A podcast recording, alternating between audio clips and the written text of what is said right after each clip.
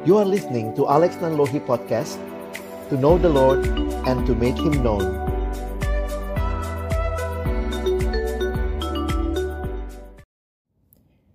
Tuhan kami bersyukur hari ini kami kembali boleh datang membaca merenungkan kebenaran firman-Mu. Tolong kami ketika kami membuka firman-Mu, bukalah juga hati kami. Jadikanlah hati kami seperti tanah yang baik, supaya ketika benih firman Tuhan ditaburkan, boleh sungguh-sungguh berakar, bertumbuh, dan berbuah nyata di dalam hidup kami. Di dalam nama Tuhan Yesus Sang Firman yang hidup, kami menyerahkan pemberitaan firman-Mu. Amin. 2 Timotius pasal yang pertama ayat yang ketujuh. Sebab Allah memberikan kepada kita bukan roh ketakutan, melainkan roh yang membangkitkan kekuatan, kasih, dan ketertiban. Saudara yang dikasihi Tuhan, kehidupan yang dijalani tidaklah mudah bagi banyak orang karena banyak pergumulan yang juga dialami. Secara khusus di masa-masa pandemi seperti ini, makin menyadarkan kita bahwa banyak hal yang tidak bisa kita prediksi, banyak hal yang mungkin begitu menakutkan kita Firman Tuhan yang disampaikan hari ini adalah surat Rasul Paulus kepada anak rohaninya Timotius yang waktu itu dia tinggalkan melayani di gereja Efesus. Sementara Paulus sendiri sedang berada di dalam penjara karena pemberitaan Injil. Apa yang Paulus tuliskan kepada anak rohaninya Timotius, seorang yang masih muda yang pada waktu itu melayani jemaat di sebuah kota metropolitan Efesus. Paulus mengingatkan Timotius tentang siapa Allah. Allah adalah Allah yang memberikan kepada kita kekuatan, bukan roh ketakutan, melainkan roh yang membangkitkan kekuatan, kasih, dan ketertiban. Di tengah-tengah pergumulan yang sulit, Paulus mengingatkan Timotius tentang siapa Allah yang telah memberikan segala yang dibutuhkan untuk bisa menghadapi berbagai pergumulan situasi yang dialami. Seringkali kita terperangkap melihat kepada situasi dan bahkan lupa bahwa ada Allah yang hadir dan terus menyertai kita dan Allah yang bahkan sudah memberikan segala yang saudara dan saya butuhkan untuk menghadapi berbagai pergumulan di dalam kehidupan. Di dalam bagian ini, Paulus mengingatkan Timotius bahwa Allah memberikan bukan roh ketakutan. Situasi yang dihadapi Timotius memang berbeda dengan situasi yang kita alami pada waktu itu Timotius sedang ada di kota Efesus dengan berbagai pergumulannya. Ada dua pergumulan yang bisa kita lihat. Yang pertama adalah pergumulan dari luar jemaat. Pada waktu itu ada pemerintah Romawi yang tidak suka dengan orang-orang Kristen. Dan ini juga telah didahului sebenarnya oleh orang-orang Yahudi yang tidak melihat kekristenan sebagai sesuatu yang mendukung bagi orang Yahudi. Mereka mengatakan kekristenan seperti sempalan, sehingga mereka mengkategorikan sebagai ajaran yang tidak benar, dan kemudian mereka juga bahkan menyiksa orang-orang Kristen. Jadi, membayangkan tekanan yang dialami dalam jemaat dari luar dari orang-orang Yahudi yang tidak suka dengan kekristenan, dari pemerintah penjajah Romawi yang juga tidak suka dengan kekristenan karena kekristenan mengatakan ada raja yang lain, bukan hanya kaisar, tetapi Yesus raja yang utama, maka tekanan ini menjadi hal yang tentunya juga berdampak kepada Timotius sebagai pemimpin di dalam jemaat Efesus pada waktu itu. Tidak mudah dari luar ada tekanan penganiayaan, dikucilkan, diasingkan. Lalu kemudian dari dalam jemaat ini tantangan kedua yang Timotius hadapi yaitu dari internal. Dari dalam jemaat munculnya guru-guru palsu yang berusaha memutarbalikkan kebenaran. Sehingga dari luar ada penganiayaan, dari dalam ada guru palsu, dan tentunya sekali lagi, semua hal ini menjadi tantangan yang tidak mudah dihadapi oleh seorang Timotius, seorang pemimpin muda yang waktu itu tentunya mungkin di tengah ketakutannya, kebingungannya harus menghadapi semua ini.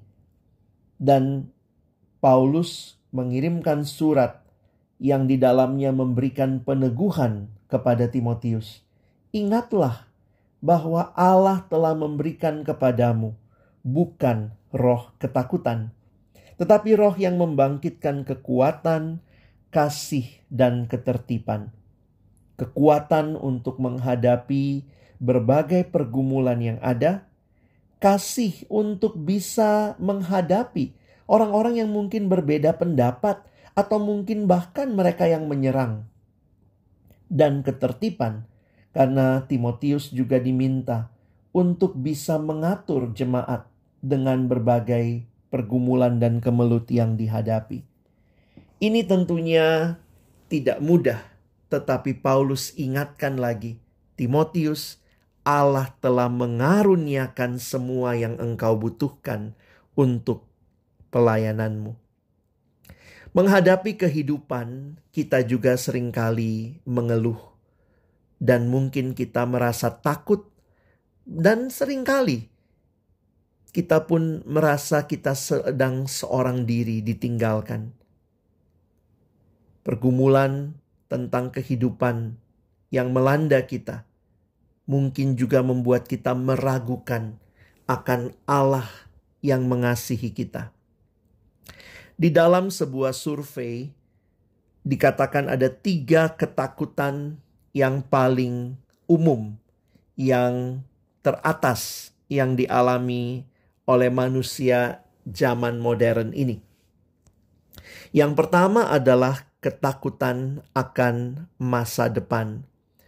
Kehidupan modern membuat kita bisa memprediksi banyak hal. Kita bisa memprediksi ketepatan waktu, kita bisa memprediksi cuaca, kita bisa memprediksi banyak hal dalam kehidupan. Tetapi ketika kita mengalami pandemi, ini meluluh lantakkan kepercayaan kita kepada semua prediksi yang sanggup kita buat. Membuat kita menyadari bahwa kita bukanlah segala-galanya. Menghadapi pandemi, menghadapi virus yang tidak kelihatan, manusia sangat tidak berdaya. Sehingga ketakutan akan masa depan masih menjadi ketakutan teratas yang dialami manusia. Apa yang bisa kita harapkan di dalam situasi seperti ini. Seperti nasihat Paulus kepada Timotius, ingatlah kepada Allah yang menyertai kita, yang bahkan sudah memberikan yang saudara dan saya butuhkan untuk bertahan dan menjalani hari-hari kita. Amsal 23 ayat 17 dan 18. Janganlah hatimu iri kepada orang-orang yang berdosa, tetapi takutlah akan Tuhan senantiasa, karena masa depan sungguh ada, dan harapanmu tidak akan hilang. Takutlah akan Tuhan. Ini bukan menunjukkan kita takut dan lari dari Tuhan, tetapi sebuah ketakutan yang di dalamnya ada kekaguman, ada penyerahan diri penuh kepada Tuhan untuk masa depan yang sungguh ada dan harapan yang tidak akan hilang.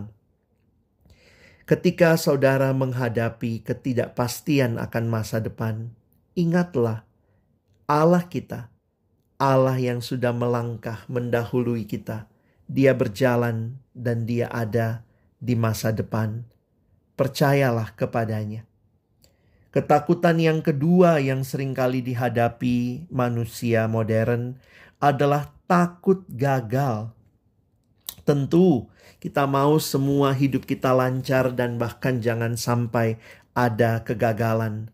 Tetapi realitanya, Tuhan sendiri tidak pernah berjanji hidup tanpa masalah dan tanpa pergumulan. Tetapi Tuhan berjanji bahwa Dia menyertai kita di dalam langkah-langkah kita, sehingga karena itu kita bisa terus melangkah. Bukan karena kita tidak pernah gagal, tetapi karena di dalam kegagalan kita tidak tinggal di situ, kita bangkit dan kita terus berjalan memandang kepada Tuhan. Amsal 3 ayat 5 dan 6 mengingatkan, Percayalah kepada Tuhan dengan segenap hatimu, dan janganlah bersandar kepada pengertianmu sendiri. Akuilah dia dalam segala lakumu, maka ia akan meluruskan jalanmu. Saudara yang dikasihi Tuhan, pergumulan-pergumulan hidup mungkin membuat kita jatuh, membuat kita merasa gagal, tetapi bangkitlah, percaya kepada Tuhan, bersandar kepada Dia. Dia ada, dia memberikan kekuatan bagi kita. Ketakutan ketiga yang sering kali dihadapi manusia modern dalam list tiga teratas adalah ketakutan akan kesepian. Ini generasi yang unik sekali. Masa kini kita punya banyak media, media sosial tetapi masih saja orang merasa kesepian. Orang merindukan satu hubungan yang otentik, satu hubungan yang dalam, satu hubungan yang memuaskan. Dan sebenarnya, hubungan seperti itu, relasi seperti itu hanya dapat kita nikmati dan alami di dalam Yesus Kristus. Ketika manusia berusaha mencari dari berbagai hal dalam dunia ini, tidak jarang kita menemui manusia merasakan dirinya begitu kesepian. Punya berbagai hal, tetapi tidak punya relasi yang mau mendengar, mau untuk memberikan uh, kekuatan, tetapi menjadi relasi yang begitu take and give, relasi yang begitu egoistik, sehingga banyak orang mengalami kesepian. Punya banyak follower, di Facebook, di Instagram, tapi bilangnya tetap aku kesepian. Sehingga kita melihat di tengah situasi seperti ini, mari kita memandang kepada Tuhan. Yohanes 15 ayat 13 sampai 14. Yesus berkata, tidak ada kasih yang lebih besar daripada kasih seorang yang memberikan nyawanya untuk sahabat sahabatnya. Kamu adalah sahabatku, jikalau kamu berbuat apa yang kuperintahkan kepadamu. Yesus menyebut kita sahabat, dan untuk sahabat, untuk engkau dan saya, untuk kita manusia berdosa, Yesus memberikan nyawanya. Ini menjadi satu hal yang sebenarnya Sungguh luar biasa jika kita merenungkannya, bahwa persahabatan rohani yang diberikan oleh Tuhan, persahabatan yang kekal, persahabatan yang di dalamnya Dia menyerahkan yang terbaik, yaitu nyawanya bagi kita. Seringkali kita masih mencari persahabatan-persahabatan yang lain dengan dunia. Tentu ada persahabatan yang Tuhan berikan melalui kehadiran keluarga. Merekalah sahabat terdekat kita seharusnya melalui kehadiran sahabat-sahabat di dalam persekutuan, di dalam jemaat Tuhan, kita menikmati persahabatan rohani yang indah. Namun tidak ada satupun persahabatan itu yang sifatnya kekal. Karena itu kita tetap harus memiliki relasi persahabatan yang dalam dengan Yesus yang adalah sahabat kita yang sejati. Dia berjalan bersama kita. Dia yang menemani kita bahkan di dalam situasi yang paling sulit ketika semua manusia meninggalkan kita. Dialah sahabat sejati. Sehingga berbagai ketakutan yang kita bicarakan tadi, takut akan masa depan, takut akan kegagalan, takut akan kesepian, Tuhan jawab semua di dalam kehadirannya bagi kita. Sehingga seperti yang dinyatakan bagi Timotius, bahwa Timotius di tengah pergumulanmu, ingatlah Tuhan bukan memberikan roh ketakutan, tetapi yang membangkitkan, roh yang membangkitkan kekuatan, kasih, dan ketertiban. Ini seharusnya membuat Timotius bangkit dan memandang kepada Allah dan terus melayani, bahkan dalam situasi yang sulit. Roh Kudus adalah sumber kuasa, kasih, penguasaan diri yang akan menolong kita melewati hari-hari kehidupan ke depan. Bagaimana respon kita? Seharusnya bagi kita yang mengalami kehadiran Allah di dalam rohnya yang kudus di hati kita. Roh itulah yang memberikan kekuatan kepada kita untuk menjalani hari-hari kehidupan ini. Saudara yang dikasihi Tuhan, di tengah-tengah berbagai pergumulan yang kita alami, yang mungkin akan kita alami ke depan, kiranya kita tidak melupakan Tuhan yang adalah sumber kekuatan kita.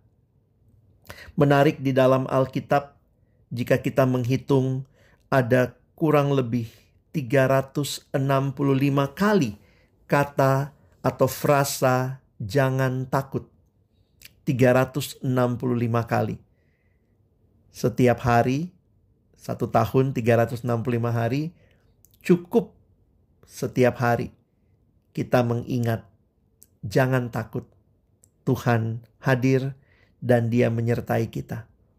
Dan marilah kita juga bukan hanya menikmati itu bagi diri kita, kita sedang hidup di dalam dunia yang juga di sekitar kita. Banyak orang-orang yang masih mengalami ketakutan. Apakah kita juga mau hadir bagi mereka? Menjadi orang-orang yang menolong mereka di dalam pergumulan yang mereka alami. Tetapi yang terutama, menolong mereka melihat siapakah Tuhan, sumber dari segala kekuatan. Sehingga ketika kita boleh menjalani hari-hari hidup ini, biarlah bukan hanya kita yang dikuatkan, tetapi kita pun dipakai Tuhan menguatkan orang-orang lain yang ada di sekitar kita. Karena itu mari saudaraku, bawalah hidupmu kepada Tuhan. Alamilah hidup yang dikuatkan oleh Tuhan di dalam kehadirannya. Dan marilah hadir di tengah dunia ini. Membagikan kuasa kasih, kekuatan yang saudara sudah alami dari Tuhan, supaya orang-orang yang mengenal dan melihat hidup saudara boleh melihat siapa Tuhan, sumber kekuatan dalam hidupmu. Jangan takut, Tuhan menyertai kita. Mari kita berdoa. Kami bersyukur karena hari-hari hidup yang tidak mudah kami boleh jalani boleh lalui bersama dengan Tuhan.